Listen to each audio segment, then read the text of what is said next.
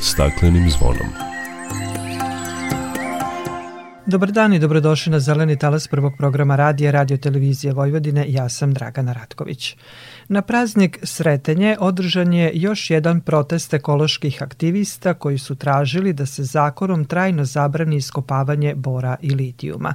Čućete rezultate istraživanja koje je sprovela Zelena stolica o tome šta građani misle koji su najveći problemi u životnoj sredini i kako se informišu o stanju u toj oblasti na lokalu kako se Vrbas priključio programu Agencije za zaštitu životne sredine i kreće u izradu lokalnog registra zagađivača. Govorit ćemo o ozelenjavanju i pošumljavanju u Temerinu, Kovilju, Zrenjaninu, u akciji Pretvorimo kvart u park za zeleni Novi Sad. Biće reči i o proglašenju Parka prirode Begečka jama zaštićenim područjem, o subotičkom jednobojnom plavom letaču, jednom od osam autohtonih rasa golubova u Subotici, kao i o ubijenim pticama na Tamišu kod Sutjeske. Toliko u najavi o ovim i drugim temama opširnije nakon pozdravne pesme. Dok priroda kraj nas plače Za vladarskim svojim tronom Tužno vele narikače Pod staklenim smo zvonom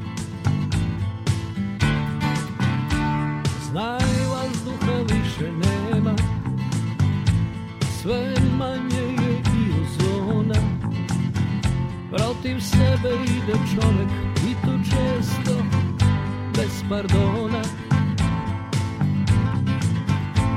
Uništenju živog sveta Kao da su ljudi skloni. Čovek sam je sebi meta Zbog njega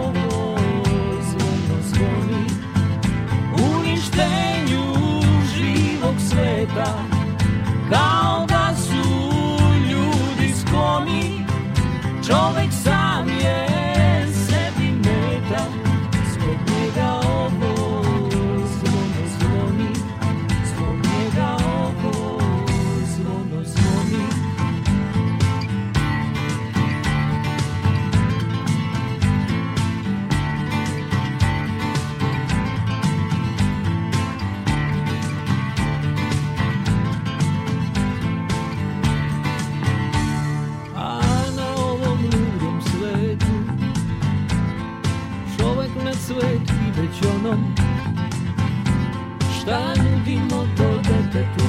stakleni kad smo zvonom.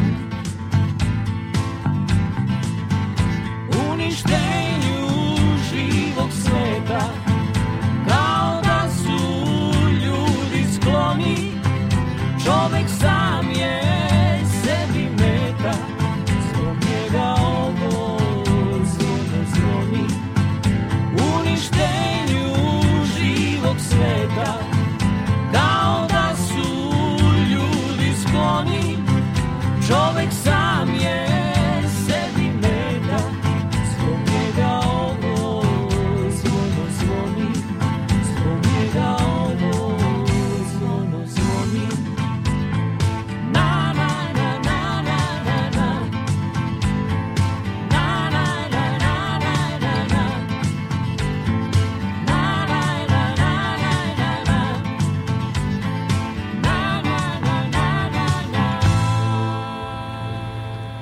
Na praznik Sretenje održan je još jedan protest ekoloških aktivista koji su tražili da se zakonom trajno zabrani iskopavanje bora i litijuma. Kako je rečeno iz inicijative Kreni promeni, protestom su iskazali nezadovoljstvo jer taj zakon nije predložen Skupštini i što predsednik Srbije nije poslušao građane koji su nekoliko dana kampovali ispred predsedništva. Borba će trajati dok Rio Tinto ne ode, poručili su iz inicijative Kreni promeni.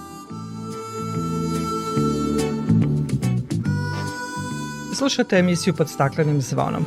Zelena stolica je mreža koju čini preko 50 nevladinih organizacija koje se bave pitanjem zaštite životne sredine i koja kao predstavnik civilnog sektora učestvuje na sednicama odbora za zaštitu životne sredine Narodne skupštine. Zelena stolica sprovela je istraživanje o tome šta građani misle koji su najveći problemi u toj oblasti i kako se informišu o stanju životne sredine na lokalu. Kakvi su rezultati istraživanja reći će nam Tijana Ljubenović iz Mladih istraživača Srbije. Tijana, dobar dan i dobrodošli na Zeleni talas Radio Novog Sada.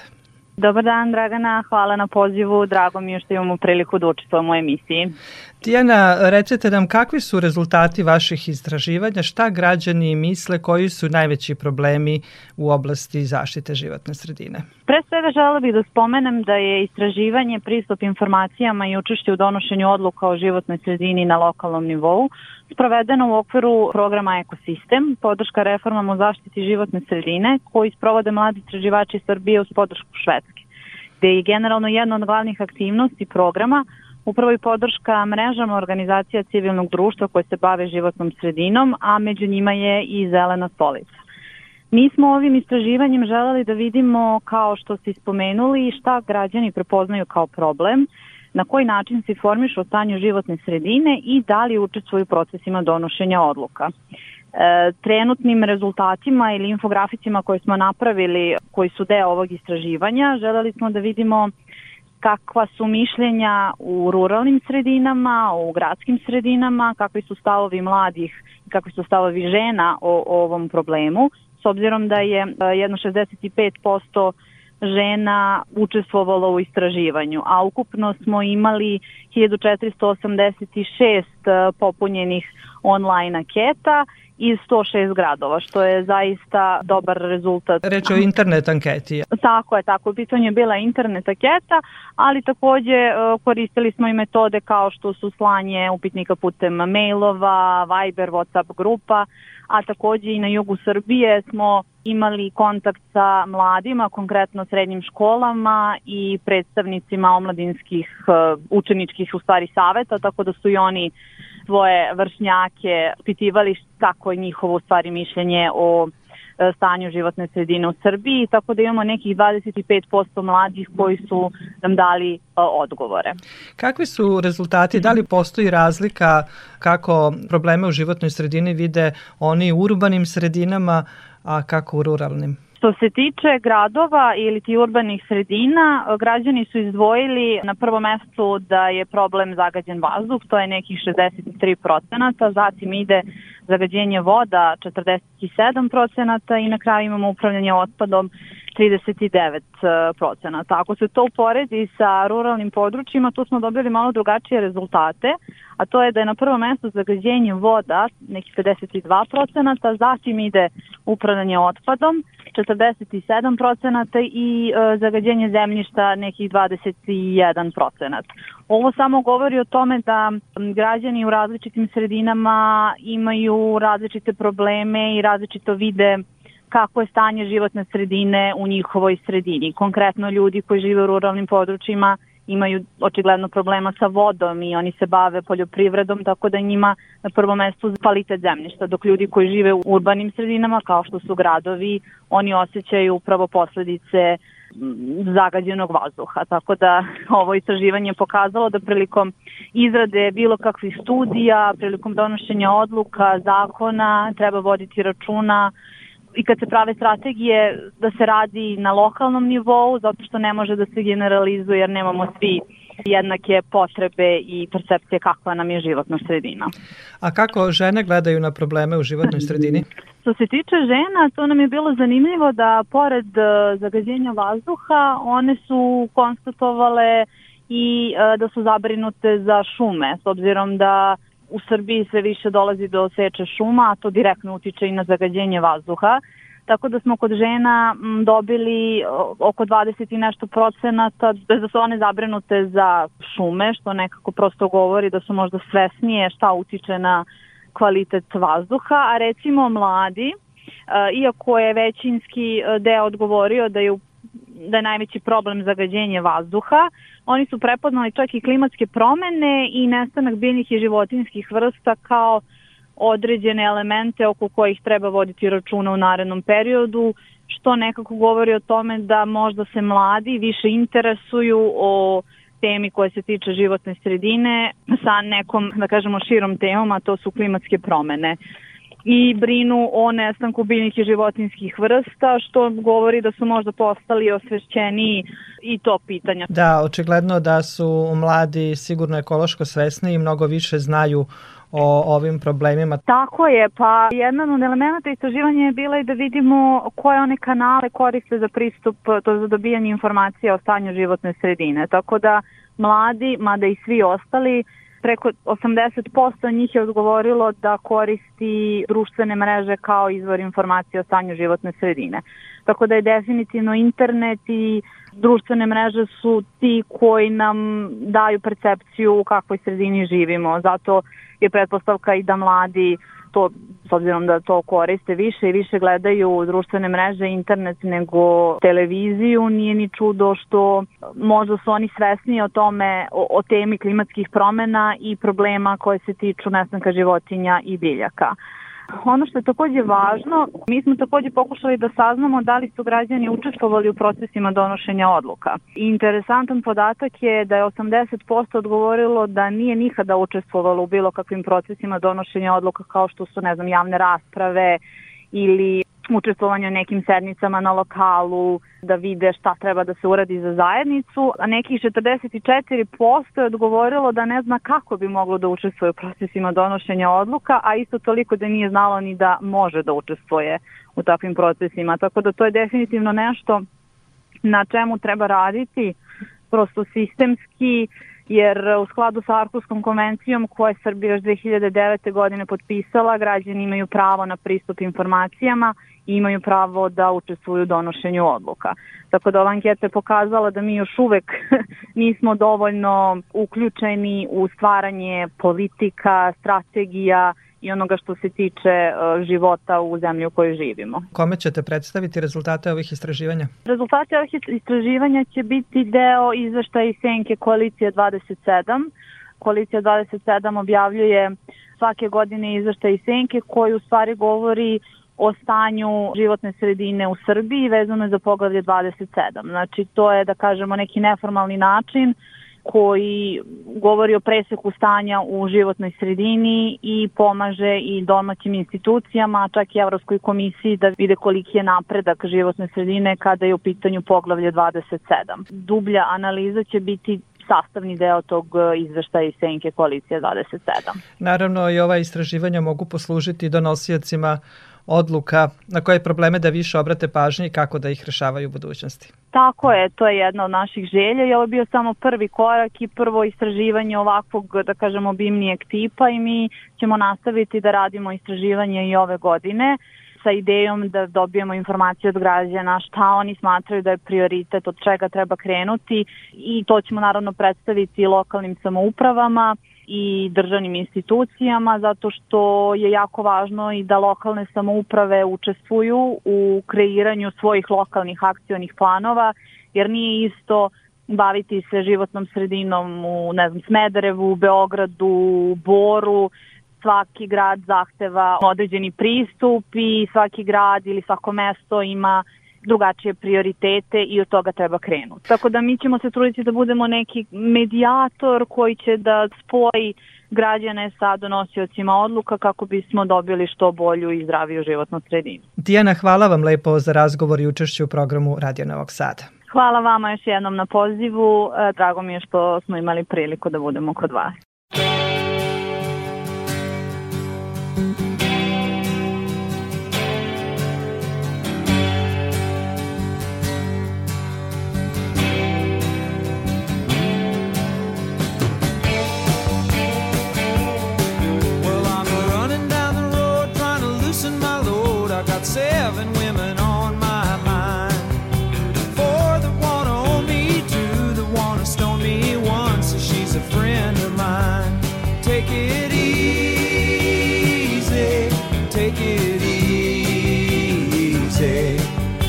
The sound of your own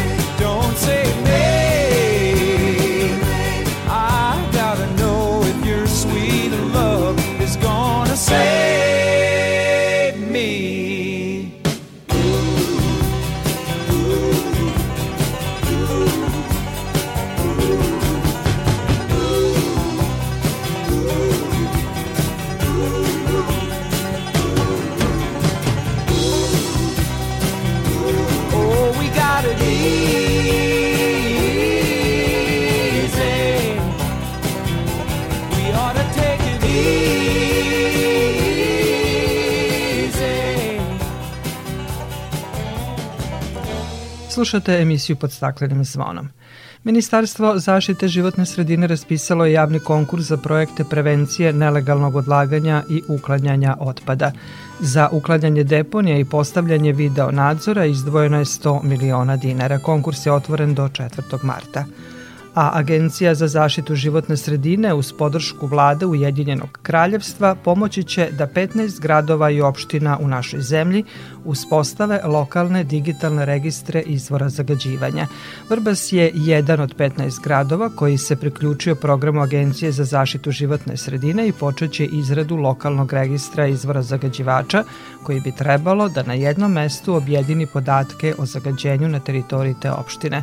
O tome šta će obuhvatiti ovaj registar i koje sve izvore zagađenja će pratiti sa Natalijom Trifković, zaduženom za izradu registra u opštini Vrbas, razgovarala je Aleksandra Dejanović. Prema onome što smo do sada saznali, ovaj registar obuhvatit će sve oni koji emituju neko zagađenje, bilo da je u pitanju kompanija, firma ili državna ustanova, a glavni cilj je da podaci budu dostupni široj javnosti, pre svega građanima, ali i medijima. Kako se navodi u saopštenju Agencije za zaštitu životne sredine, Vrbas je jedan od 15 gradova u Srbiji koji bi do kraja marta trebali da započnu proces izrade. Gospođe Triković, da li su započete neki prvi konkretni koraci kada je pitanju izrada registra? Predizuti su prvi koraci. 3. februara je održana jedna online obuka u kojoj je napravljen jedan uvid u to šta bi bile obaveze, e, odnosno sama metodologija koja je propisana vezana za izradu lokalnog e, registra zagađivača. Šta će on sve obuhvatati? Obuhvataće analizu količine prvo mesta odnosno izvora zagađenja, znači podatke o samim e, zagađivačima. To će biti podaci o emisijama u vazduh, emisije u vodu, emisije na zemljište i o količini otpada koju produkuju o zagađivači. Na koji način je predviđeno da vi dolazite do tih podataka o količini i o vrsti zagađenja? Predviđeno je da firme dostavljaju podatke na osnovu onoga kako se to radi sada prema agenciji, u okviru nacionalnog integrisanog registra zagađivača na isti takav način i na lokalu. Kada su u pitanju kriterijumi za to da neka firma daje podatke u nacionalni registar koji ste malo čas spomenuli, ali i kada su u pitanju one firme koje, na primjer, ne šalju svoje podatke nacionalnom registru, kakav je tu odnos? Obaveze su, kao što sam malo pre naglasila, zakonski regulisane firmi da te podatke dostavljaju.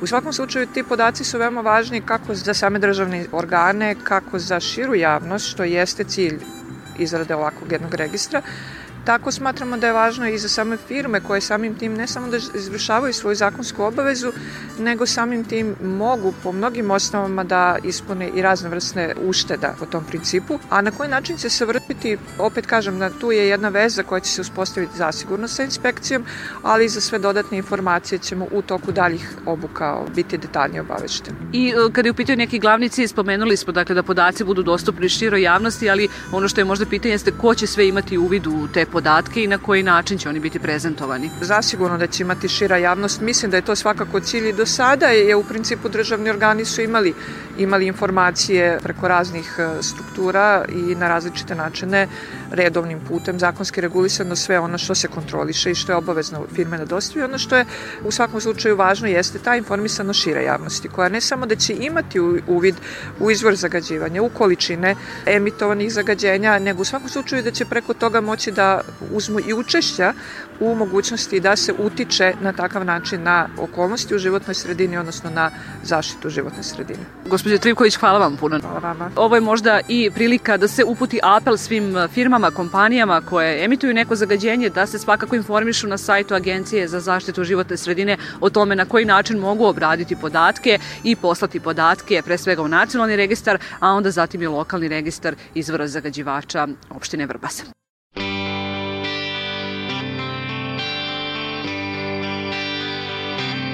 Oh, yes, I'm the great pretender. Pretending I'm doing well. My need is such, I pretend too much. I'm lonely, but no one can tell. I'm the great pretender.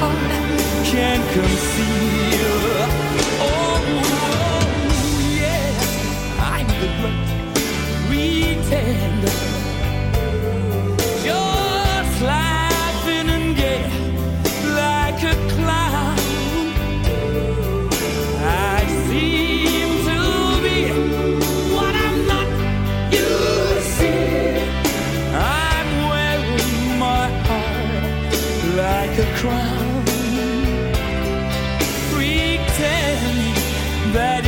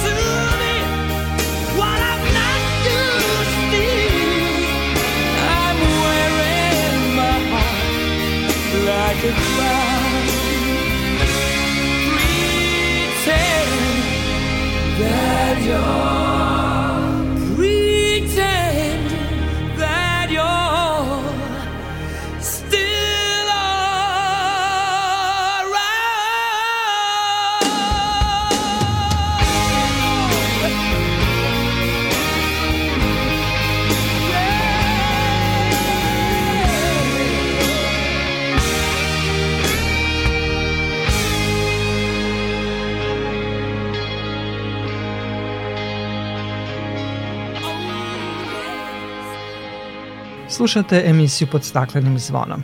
Spomenik prirode Stari park u Temerinu odnedavno ima oko 70 novih sadnica.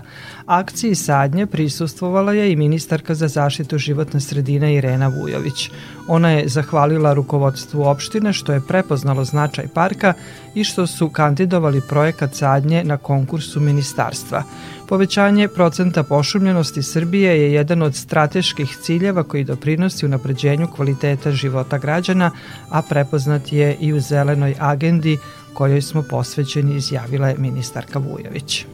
Kada govorimo o pošumljavanju, u prethodnoj godini smo se fokusirali na opštine e, sa teritorije i Vojvodine, dakle i gradove i moram da istaknem da od 38 jedinica lokalne samouprave 40% je upravo pošumljavanja i otišlo u ove opštine.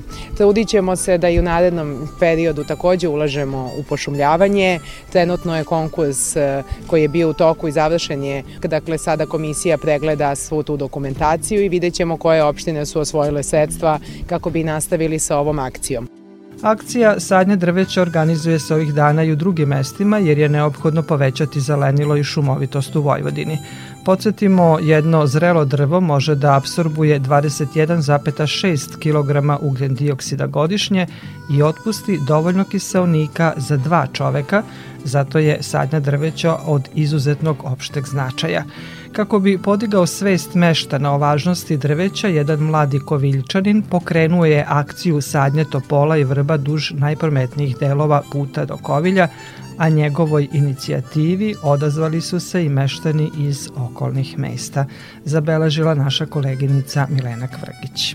Zahvaljujući dobroj volji i trudu, Kovilj će dobiti novih 200 sadnica topola i 100 sadnica vrba. A Aleksa Crkvenjakov, koji je pokretač čitave akcije pošumljavanja, kaže da je odziv veći od očekivanog. Ovaj drvored se javio kao mogućnost kad su mi iz pokreta Gorana obezbedili novce preko projekta Šta nam teško, što finansira Ministarstvo za omladinu i sport. Vojvodina šume su obezbedili sadnice, koviljčani su se skupili i evo, radi se, imaćemo drvored. Kaže se da je akcija ispunila svoju misiju u potpunosti ako se u nju uključe i najmlađi, jer oni su najbolji garant da ekološke inicijative mogu da zažive.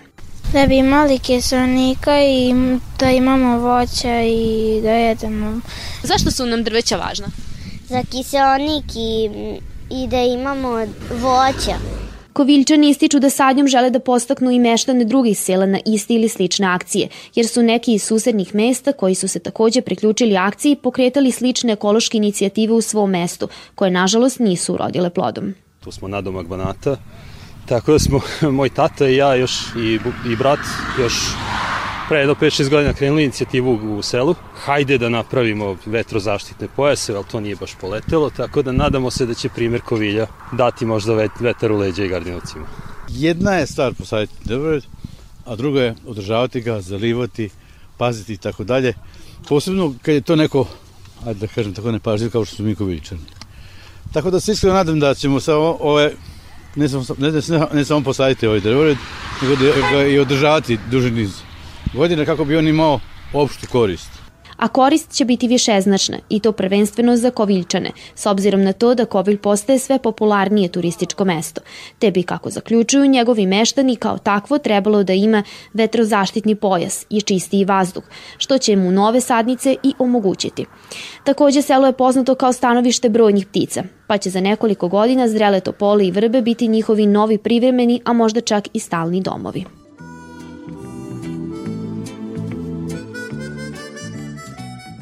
Iz Kovilja idemo u Zrenjani i tamo se sadilo. Srednji Banac spada u kategoriju regija sa najmanjim procentom pošumljenosti u celoj Evropi, te je upravo ozelenjavanje i pošumljavanje glavni cilj mnogih lokalnih samouprava. O tome Jelena Milićević. Svega 2,6% teritorije grada Zrenjanina je pošumljeno. Kako bi se taj procenat povećao, u prošloj godini lokalna samouprava u saradnji sa Ministarstvom zaštite životne sredine uložila je 20 miliona dinara u projekte ozelenjavanja kaže Aleksandra Magazin iz javnog komunalnog preduzeća Čistoća i zelenilo. Time smo u stvari uradili potez ozelenjavanja parka Putnikovo, zatim pezažno uređenje leve i desne obale Begeja i pezažno uređenje dela bulevara Veljka Vlahovića do ulaska u tržni centar Big ove godine planiramo takođe da konkurišemo za ozelenjavanje. Ozelenjavanje je bitno i u manjim sredinama. Tako je u Novom Itebeju formirano i udruženje koje se bavi pitanjem ekologije u ovom mestu. U ovom selu od početka godine poseđeno je 265 sadnica drveća, a sadnja je započeta u dvorištu mesne zajednice tvrdi Jožef Kerekeš, predsednik Saveta mesne zajednice Novi Itebej. Ovde smo trenutno sad posadili 50 sadnica, a još na dve lokacije ćemo posaditi ostatak tih sadnica. Nama je cilj da, da ove, što više podignemo te zelene pojase. Ovom prilik ćemo oformiti dva drvoreda u selu, što je opet pozitivno, zato što ovaj, nam je cilj da, da što urednije i, i što zelenije bude naše selo. Akcija sadnje drveća u Novom Itebeju izvedena je uz podršku javnog preduzeća Vojvodina šume. Podršku je pružio i direktor Roland Kokaj. Budućnost je, svakako u e, zelenim politikama. Danas smo sadili ovde 265 sadnica, izabrali smo tri vrste javora, javor e, mleć, e, srebrno listni javor, odnosno gorski javor, brezu i američki jasen. Te sadnice su optimalne za urbane i gradske sredine. Javno preduzeće Vojvodina šume rukovodi teritorijom od oko 130.000 hektara, a sa ciljem dizanja svesti građana u mnogim mestima organizuju slične akcije sadnje drveća. Slušate emisiju pod staklenim zvonom. Evropska agencija za zaštitu životne sredine nedavno je objavila studiju ko ima koristi od prirode u gradovima, koja pokazuje da se pristup javnim zelenim i plavim površinama bitno razlikuje u gradovima širom Evrope uz zaključak da gradovi na severu i zapadu Evrope imaju više zelenih površina nego gradovi u južnoj i istočnoj Evropi.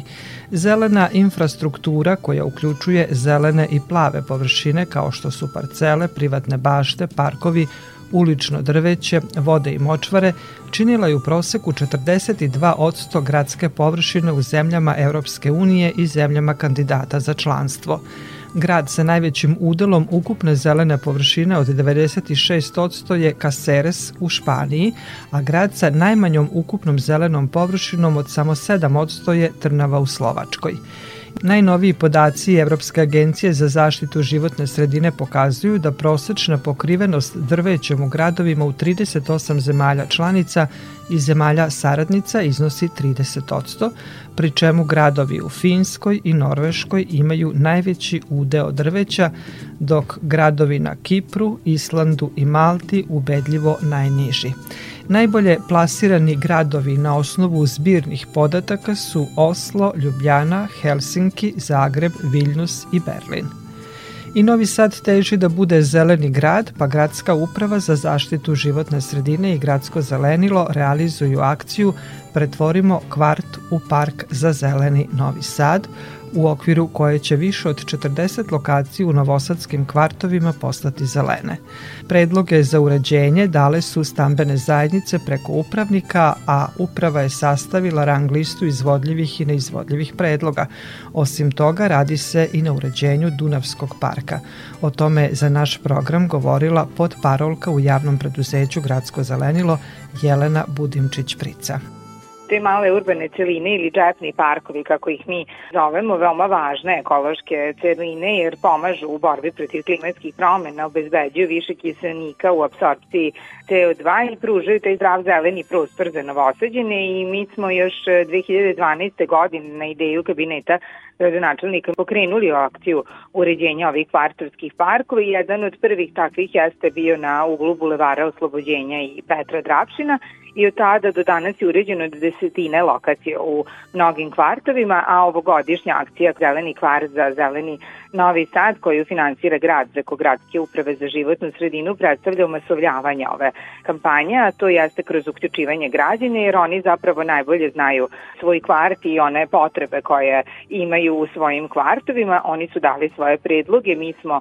obišli sve lokacije i utvrdili da će ove godine biti više od 40 lokacija uređeno na kojima ćemo posaditi drveće, cvetne aleje, žbunaste biljke i svo ono zelenilo koje predstavlja to kvartovsko i parkovsko zelenilo, a ovu akciju ćemo nastaviti i u narednim godinama, jer na osnovu vizije uređenja grada Novog Sada kao zelenog i ekološkog grada ovakvo uređenje kvartovskih parkova je jedan i od najvažnijih zadataka mm -hmm. gradskog zelenila. Ono što je prošle godine obeležilo u Dunavskom parku ja su radovi, ja volim da kažem to su radovi koji nisu bili vidljivi građanima, ali su i tekako važni, pre svega izgradnja zalivnog sistema kroz koji ćemo na bolji način brinuti o zelenilu i biljkama u samom parku, a evo ove godine ono što je vidljivo građanima, to jeste rekonstrukcija staza i prilaza koji obuhvataju oko 6200 kvadrata površine površine, dečje igralište, staro će se rekonstruisati i napraviti novo, veće i savremenije sa pet potpuno novih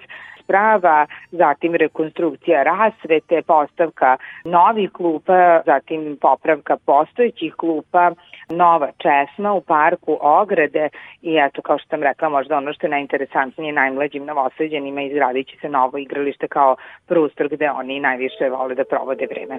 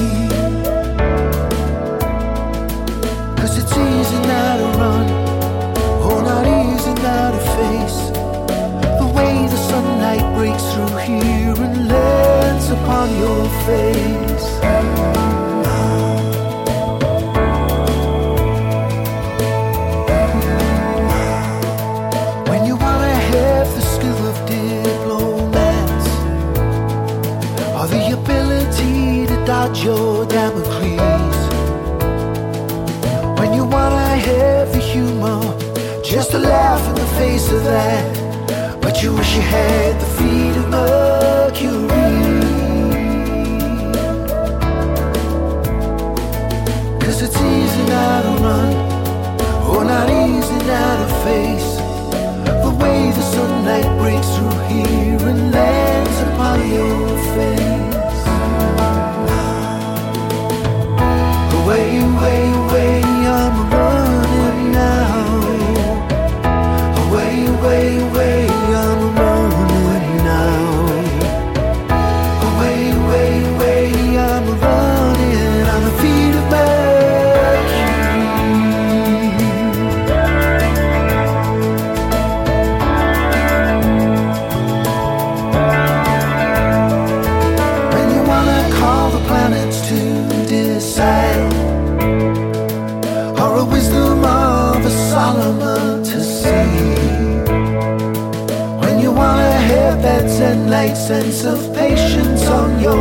side,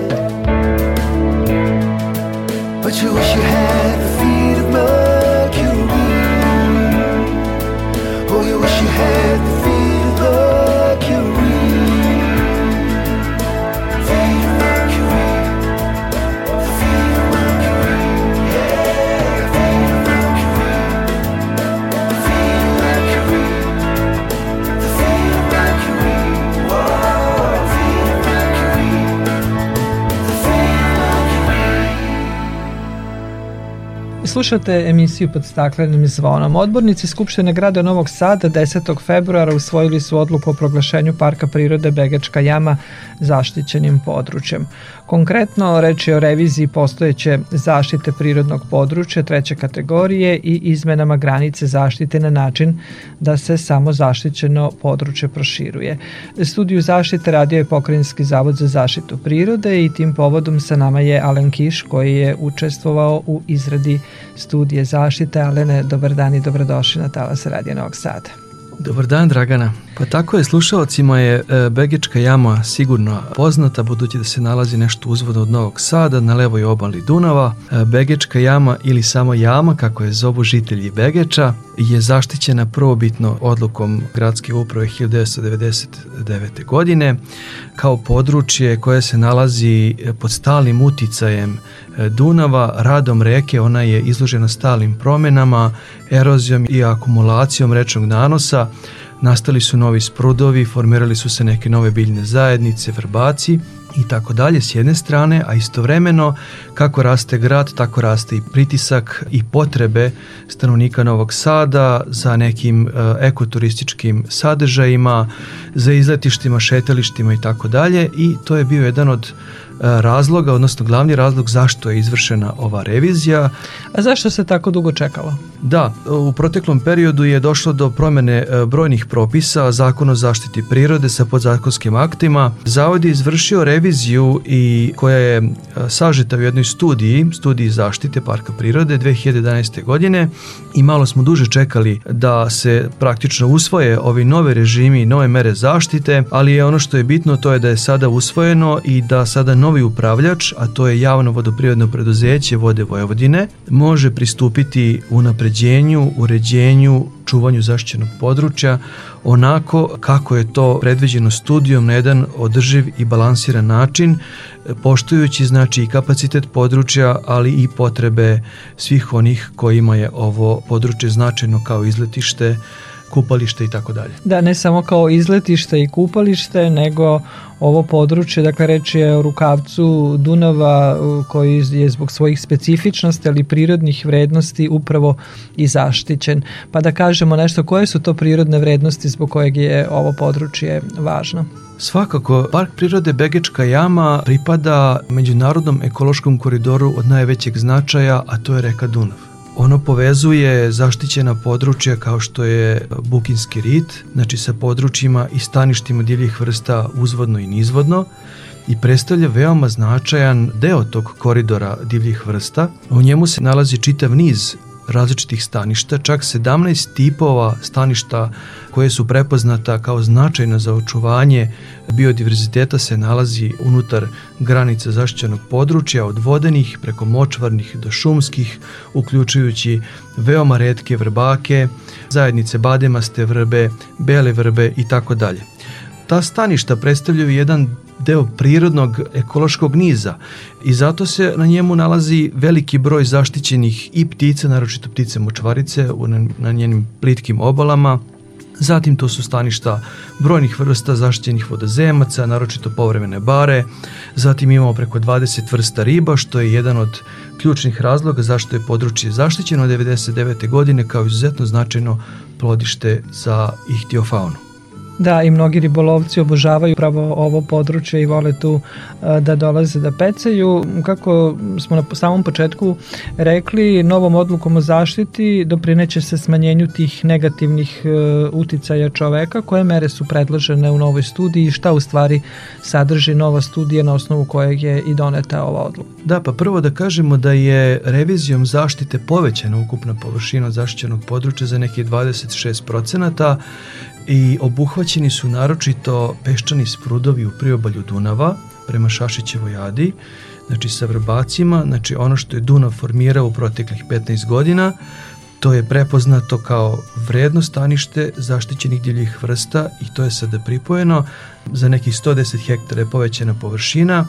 Prirodne depresije, bare, prirodni verbaci su stavljeni u drugi stepen e, zaštite dakle, gde su propisane rigoroznije mere očuvanja, unapređenja, očuvanje prirodnosti.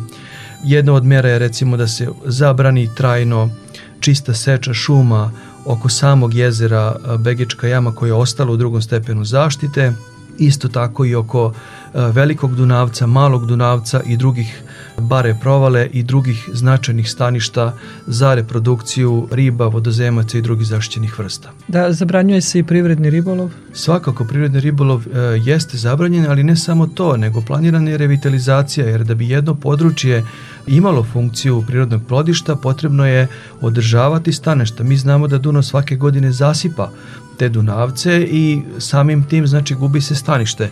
I jedan od ključnih zadataka u narodnom periodu jeste da se izvrši izmuljivanje ne samo tog centralnog dela Begečke jame, nego i Dunavaca koji su zapravo e, jednako značajni za mrest riba, da se obezbedi povezanost između Begečke jame i ovih vodenih površina povremenih, kao što je Veliki Dunavac, i njihova povezanost preko e, kanala Begej sa Dunavom. Dakle, to je jedna od mera u studiji zaštite kako bi se očuvale prirodne vrednosti ovog zaštićenog područja. Tako je i da bi se smanjio negativan antropogeni uticaj, revizijom je uspostavljena zaštitna zona koja se proteže sa severne strane zaštićenog područja prema nasilju i prema graničnim površinama u pojasu od 300 metara od nasipa koje predstavlja granicu zaštićenog područja. Zabranjeno je podizanje industrijskih objekata, svih objekata koji doprinose povećanju buke, zagađenja, odnosno svega onoga što može smetati istovremeno i zaštićenim divljim vrstama, ali ljudima koji su željni prirode i koji su došli na Begačku jamu da bi uživali u njenoj lepoti. Da, mnogi su jedva čekali da se preduzmu određene mere jer zaista predstavlja, kao što ste i rekli, mesto i za uživanje u prirodi, ali i, i turistički. Tako je, park prirode je po samoj definiciji jedno prirodno dobro koje je istovremeno značajno i kao stanište divljih vrsta živog sveta, ali isto tako i značajno za turističku ponudu i sama revizija je imala za cilj da nađe taj stepen ravnoteže održivosti između uređenja turističke zone, uređenja vikend naselja koje znamo da je prisutno na Begečkoj jami, uređenje privezišta za čamce, sređivanje priobalja i svega onog što će s jedne strane omogućiti posetiocima da uživaju u Begečkoj jamu, a sa druge strane zaštititi divlji živi svet od prekomenog uticaja i degradacije. Eto, jedna lepa vest, dakle, odbornici Skupštine grada usvojili su odluku o proglašenju prirode Begečka jama zaštićenim područjem, a da je ovo područje i pre toga bilo zaštićeno, ali sada sa novom studijom zaštite. Alene, hvala vam lepo za razgovor i učešću u programu Radija Novog Sada. Hvala vam, Dragana.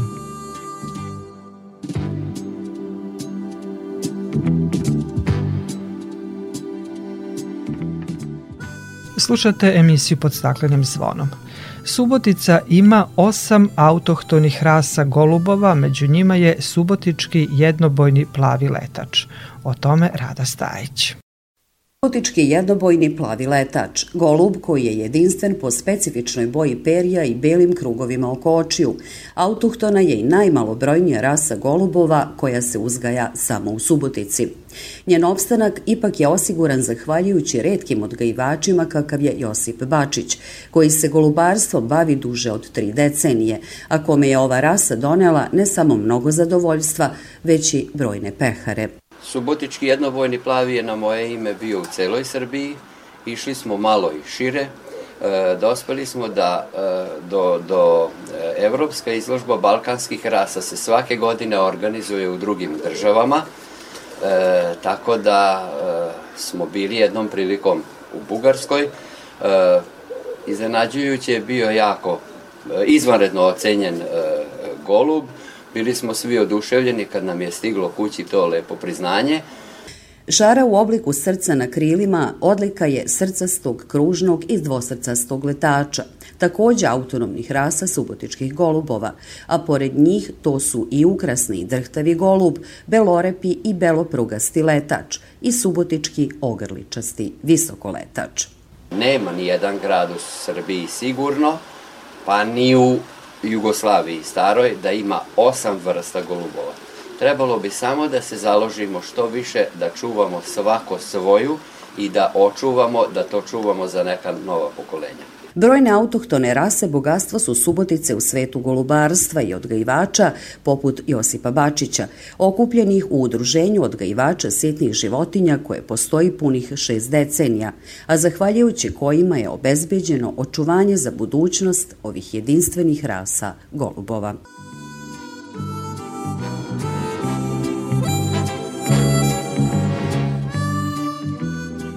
A sada jedna sasvim drugačija priča o odnosu prema pticama.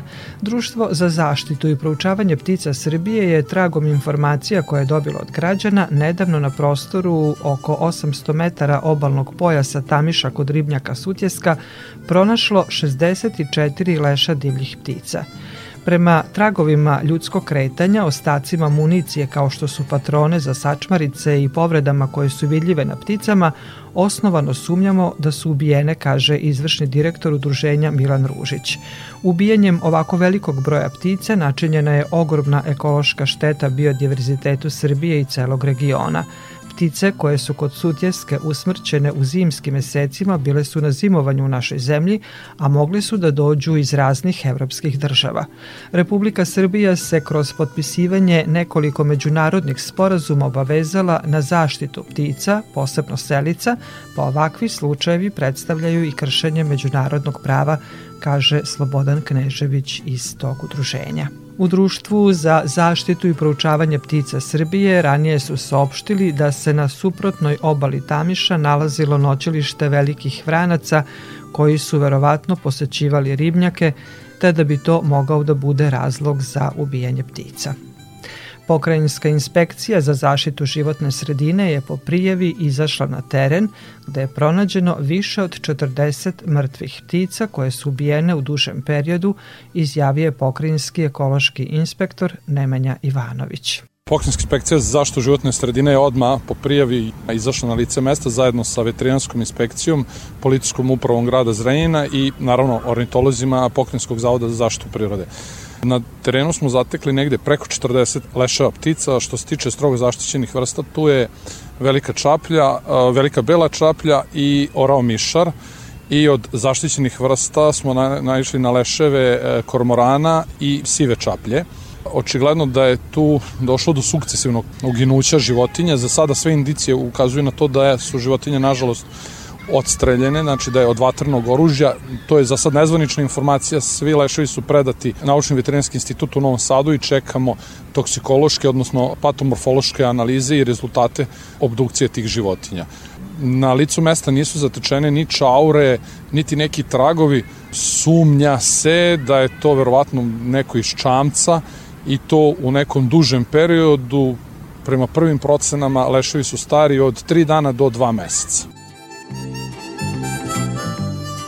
I za kraj vest, o tome smo pričali i u prošloj emisiji, Crnogorska agencija za zaštitu životne sredine podnela je specijalnom državnom tužilaštvu krivičnu prijevu protiv NN lica zbog krijumčarenja mladog lava, zašta, kako kažu, postoje osnovi sumnje da je delo počinilo više osoba i da je vrednost ove egzotične životinje 200.000 evra. U saopštenju objavljenom na Facebook stranici agencije upućen je apel nadležnima da se pozabave problemom krijumčarenja životinja i sve svoje resurse stave na raspolaganje kako bi se, kako su kazali, pristupilo ovom višedecenijskom problemu na odgovoran i održiv način.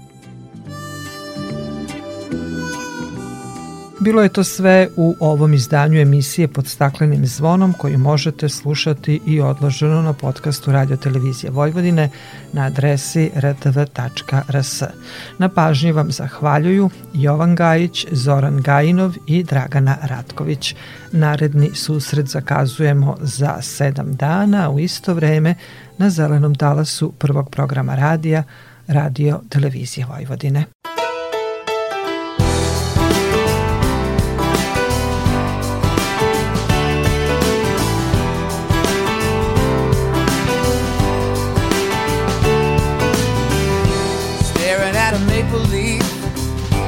leaning on the mother tree. I said to myself, we all lost touch.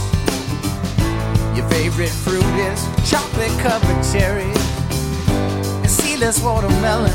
Oh, nothing from the ground is good enough. Body rise,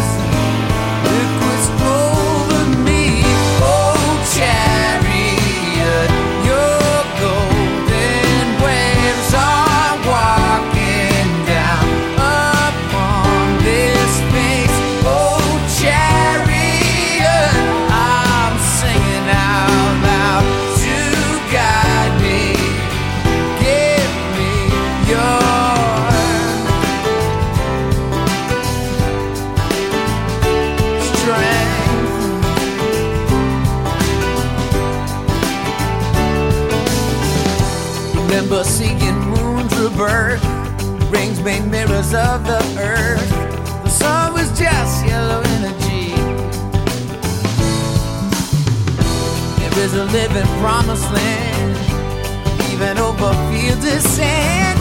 Seasons just the